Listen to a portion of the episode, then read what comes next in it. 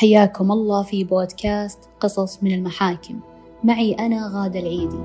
في حياتنا الكثير من القصص التي تستحق أن تذكر وتروى للعظة والعبرة. ومن هذا المنطلق راح آخذكم في هذا البودكاست لأرض المحاكم والقصص التي تدور خلف أسوارها.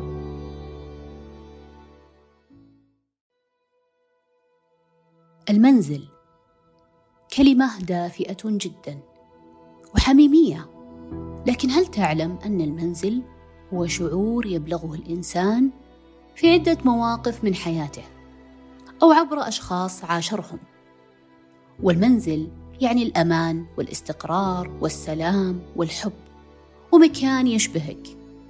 وحين تمر على مسامعك كلمة المنزل يتبادر في ذهنك عدة أشخاص أو مواقف خلتك تحس بهذا الشعور.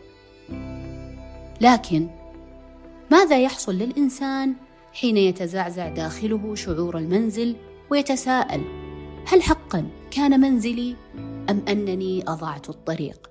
قصة قضيتنا اليوم مختلفة تماما وأقرب ما يمكن وصفه فيها هو عدم وصفها لأن القصة اليوم ليست مجرد حكم صادر داخل أسوار المحكمة ولم تكن مجرد ادعاءات بين طرفين يتنازعون حول حقهم اعتبروها قصة إنسان تشرد شعوره.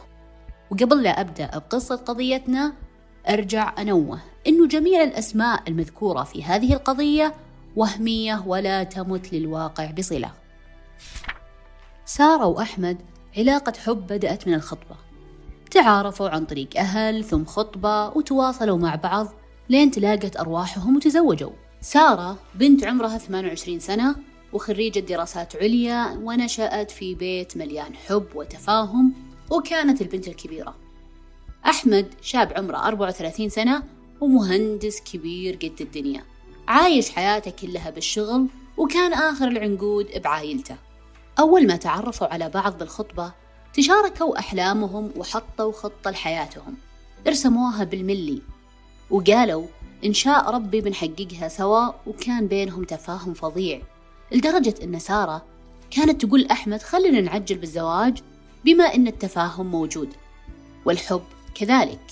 لكن أحمد كان يأجل شوي عشان يستقر في بيت مستقل ويعيشون براحتهم وما يسكنون مع أهله. بوقت الخطبة سارة كانت تسولف عن أحمد كثير عند أهلها وخواتها وصديقاتها. لين ما واحدة من صديقات سارة قالت الوضع الحين يجنن. لكن الله يتمم عليكم. قالتها بأسلوب ساخر. سألتها سارة وش تقصدين؟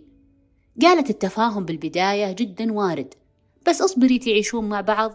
ويبدأ تحدي قوة العلاقة الحقيقية. وانتبهي يا سارة لا يعميك شعورك بالسعادة وكل شيء خططتيه معه حطي له شرط. قالت لها وش دعوة؟ أتشرط على حبيبي.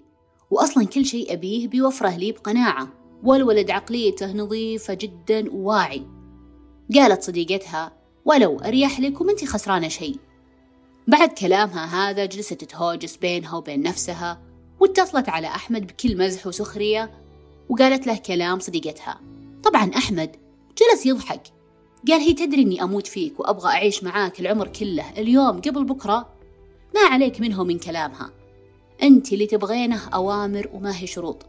قالت سارة طيب لو إني تشرطت عليك بكل شيء اتفقنا عليه. هل راح تزعل مني؟ قال لها أحمد لا طبعا وهذا من حقك واللي بيننا أكبر من شروط زواج يا سارة. وأنت فاهمتني مستحيل أحرمك من حقوقك بعد الزواج سواء وظيفة ولا تعليم ولا سفر ومن هالكلام. ضحكت سارة بكل طمأنينة قالت أدري بس إني أمزح معك وأشوف وجهة نظرك. استقروا في بيت خاص وبعد خمس شهور من الزواج وصل لسارة عرض وظيفي في أحد القطاعات الحكومية وانبسطت جدا لأنها خريجة دراسات عليا وجاها عرض جدا مغري وبمكان تستحقه كأول وظيفة. اتصلت على طول على أحمد وبشرته وأعطته تفاصيل الوظيفة بكل حماس. قال لها أحمد ما شاء الله على البركة بس ما تحسين إن تونا ما كملنا سنة من تزوجنا وما أحس إني شبعت منك فوش رأيك تأجلينها لبعد سنة؟ قالت هذا قطاع حكومي ما فيه تأخير ولا تأجيل وبالنسبة لي هي فرصة كبيرة. قال لها طيب خلينا نتفاهم بعدين. وبعد أسبوع وهم جالسين سوا التفتت سارة على أحمد وقالت اليوم رديت للدوام وقبلت العرض والأحد مقابلتي.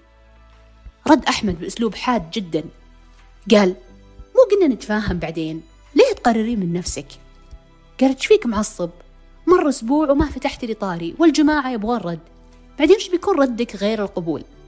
قال أنا ما عندي مانع بس ما أشوف إنه الوقت المناسب للوظيفة إلا بعد سنة أو سنتين. خلينا نعيش شبابنا وبعدين أنا مقصر عليك بصرف أو سكن عشان تتوظفين. طبعا سارة هنا استنكرت هذه التساؤلات من شخصية مثله خاصة أنه متفتح وواعي ومدرك أن سارة طموحها عالي جدا قبل الزواج وبعده. وأنها ما كملت دراسات عليا إلا عشان تلاقي وظيفة تستاهلها وتمثلها. ردت ببرود وما حبت تكبر المشكلة. قالت يا حبيبي أنا ما توظفت عشان فلوس أنا أبغى أطور من نفسي مثلك. ويصير لي مكانة في المجتمع مثلك. أنت الحين مهندس وأكيد أنك مو قاعد تشتغل بس عشان الراتب لأنك تحب مجالك.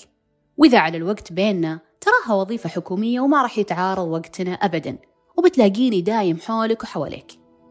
طبعا تنرفز أحمد وقال لها وش دعوة يعني؟ بتختارين الوظيفة علينا إحنا. وشوري راح ترمينا بالهوا كذا. ترك لها الغرفة وراح ينام بالصالة وأخذ موقف شديد غير مبرر لسارة. مر يوم يومين ثلاثة والرجال هاجر سارة. حاولت تكلمه واتساب وحاولت تكلمه وجها لوجه لكنه يتهرب باستمرار وما يبغى يناقشها. بعد أسبوع من محاولات سارة مع أحمد قرر أنه يعطيها مجال. قال لها اسمعيني أنا مو مقتنع بالوظيفة الحين واحتاج منك وقت وتقابليني لين نجيب لنا ولد أو ولدين. وفكرة وظيفتك بالوقت الحالي مرفوضة تماما. قالت سارة وش يفرق الحين أو بعد سنة أو سنتين أو بعد ما أجيب عيال؟ الوظيفة وحدها أساسا ما راح تأثر خاصة أنها ما هي قطاع خاص وقطاع حكومي. صدقني ما راح أتمسك فيها مثل كذا لو أني ماني بشايفة أنها فرصة عظيمة لي ولك. لكن هذه ما هي مجرد وظيفة خاصة أنها بتخصصي. وإذا القبول موجود ليش المماطلة؟ بعد سنتين بتقولي لا تتوظفين أبغاك تقابلين العيال لا تتركينهم في البيت لحالهم. رد أحمد بانفعال وقاطعها. إي طبعا عيالك أولى لو إنهم موجودين. بعدين تختارين وظيفة ولا بيتك اللي هو الأساس؟ طبعا هذا النقاش كان بمثابة الصاعقة. أو خلونا نقول كان بمثابة الحقيقة اللي كانت تتحاشى معرفتها سارة. لأنها مشككة بأن عقلية الشخص اللي حبتها بالخطبة تكون كذا اليوم. هنا سارة حست إنها لازم تتخذ موقف صارم وتحسم الموضوع عشان تعرف وش هي عليه. قالت اسمعني أنا سويت المقابلة والعرض قبلته وأنت عارف إن مصيري بتوظف من قبل الارتباط. وبرضو تعرف إن علاقتنا مهمة لي ولك ومستحيل أتمسك بشيء إلا لما يكون فرصة. لذلك أنا قررت أداوم مثلك وبوعدك إنه ما راح يأثر على علاقتنا الآن ولا بعد العيال حتى. قال لها أحمد أنا رافض وألزم ما عليك رضاي يا سارة قلت شلون يعني؟ قال افهميها مثل ما تبينه. وظيفة هالحين مستحيل أقبل. ردت سارة بس هو ما هو قرارك هذه حياتي المهنية. هل ترضى أني أتدخل بحياة شغلك وأمنعك من الهندسة والدوام؟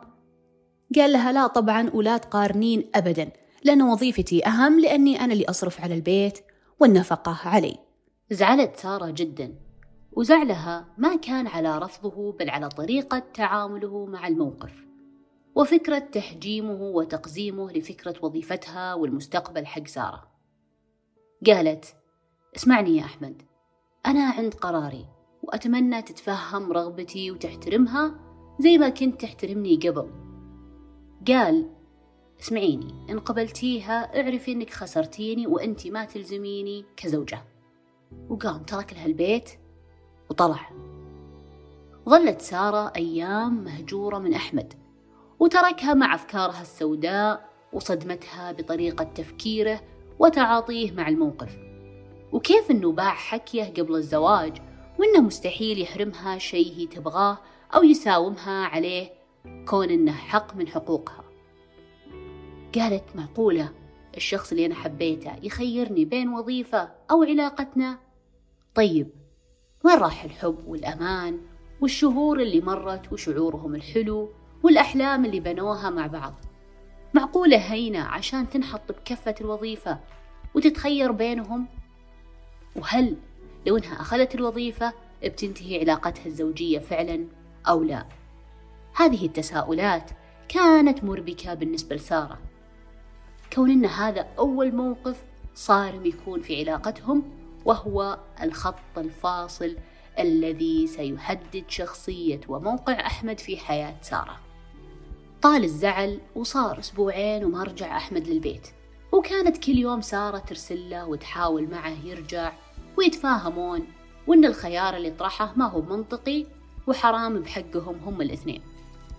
لكن بنفس الوقت داومت سارة بوظيفتها الجديدة وأعطت أحمد خبر وكانت تقول له عن كل شيء يخص دوامها. وطبعا هو لا رد ولا خبر.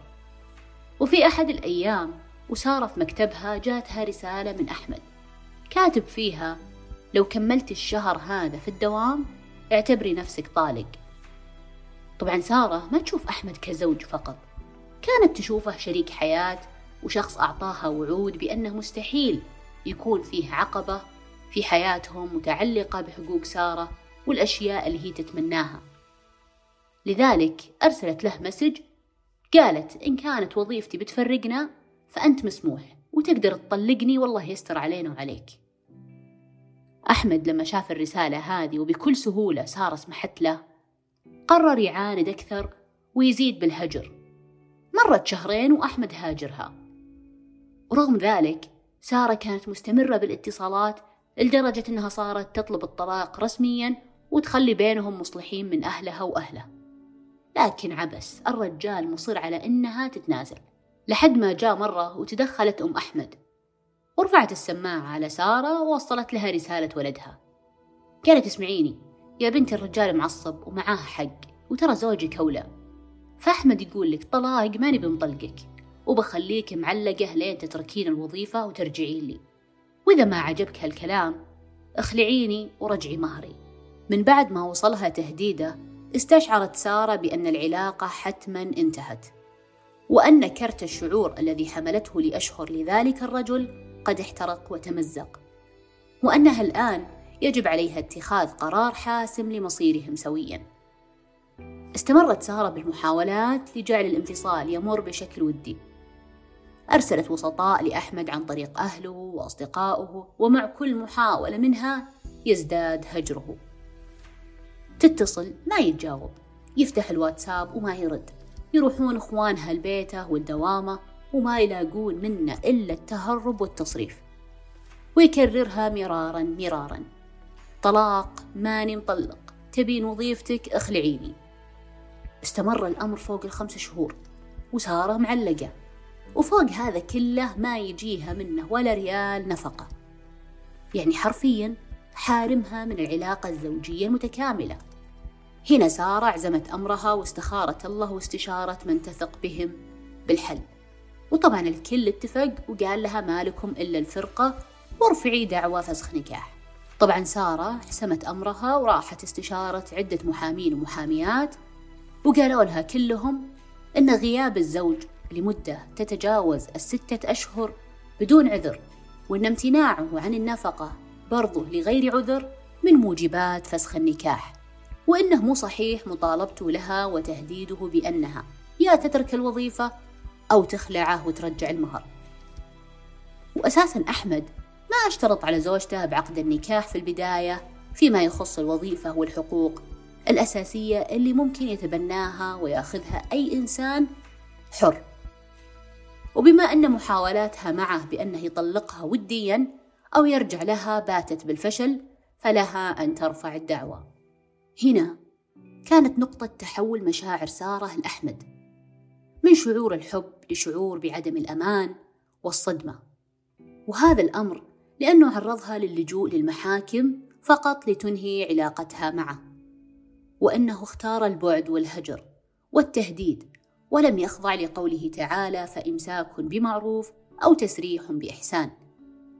عشان كذا اعزمت أمرها ورفعت الدعوة ووكلت محامية للقضية وسلمتها كل ما تملك من حجج وأسباب للفسخ. غياب أحمد وامتناعه عن النفقة ورفضه المستمر للطلاق مع أنه هاجرها ويبغى الفراق. لكن تعمد أنه يعلقها ويبتزها في موضوع الوظيفة. وأعطت المحامية كل المحادثات اللي تثبت إنها كانت تبغاه وكانت تطلب الطلاق وتقول أنا أبيك تروح يا ابن الحلال بس طلقني وسوي اللي تبغاه. قالت لها المحامية ترى القضية قبل أن تحال للمحكمة بتتحول صلح إجبار. وهذا إذا ما تحقق الصلح راحت للقاضي مباشرة. سارة ما عندها مشكلة وكانت أساسا تبغى الحلول الودية من بداية النزاع لكن هذا الشيء ما حصل بسبب أحمد. وبعد ما رفعوا الدعوة وتحولت صلح للأسف أحمد ما حضر وتحولت لجلسات بالمحكمة. وفي الجلسة حضرت محامية سارة وحضر المدعى عليه أحمد أصالة عن نفسه وافتتحت الجلسة. وسمع القاضي ادعاءات سارة مع الأسباب والأدلة ثم التفت على المدعى عليه أحمد وقال له صحيح ما تدعيه زوجتك؟ قال صحيح أنا هاجرها ومانع النفقة أبغاها تتأدب. لكن عذري ما كان بس البعد ولا الجفاء. قال له القاضي أجل وش سبب هذا التصرف؟ قال له يا شيخ أنا رافض إنها تتوظف. سأله القاضي هل هذا الشيء كان موجود من شروط عقد النكاح أو أبديت نيتك في بداية الزواج؟ قال له أحمد لا قال له القاضي إذا على ماذا تبني طلباتك هذه؟ أن تمنحها من حق مشروع وأن عملها لا ضرر فيه ولا ضرار ولا يؤثر على العلاقة الزوجية واستمرارها هنا صمت أحمد وقال لا أملك إجابة ولا دليل يا شيخ لكن من حقي منعها ولا أرغب بتطليقها وطلبت منها أن تخلعني لترد لي مهري.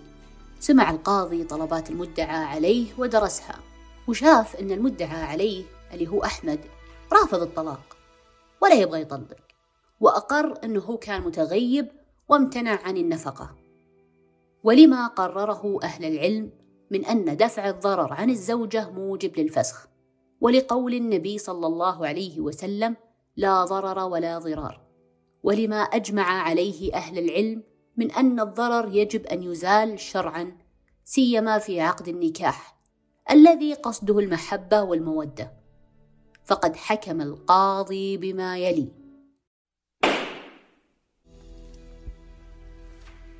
فسخ نكاح الزوجة سارة من عصمة زوجها أحمد من غير عوض مالي وبذلك حكمت وبعرضه على الطرفين أبدوا القناعة والرضا به. العبرة من هالقضية أن التعاملات والارتباطات سواء العملية أو العاطفية دائما بدايتها تكون رائعة. والخير يقدم ويكون مقصد الجميع. لكن كلنا نجهل مستقبلنا وخفايا الحياة لذلك الشرع والقانون شرع لنا الشروط والعقود. لتضمن حقنا لكننا دائما ما نتهاون بحجة المحبة والعيب. وش راح يقولون عن الناس؟ أمانك في الحياة هو أنك تحترم حقك وتستمتع فيه وتمارسه قبل أن يتم انتهاكه ثم تجبر للأسف على أن تطالب به مثل ما صار مع سارة وأحمد. لو أنهم في البداية حطوا شروط بعقد النكاح يمكن ما صار هذا الزواج كله. لكن على الأقل الطرفين كلهم راح يكونون واضحين في الرغبات واتفقوا على أنهم يكملون حياتهم بالتنازلات اللي يختارونها واختصروا على بعض عناء الألم من الخذلان والانفصال.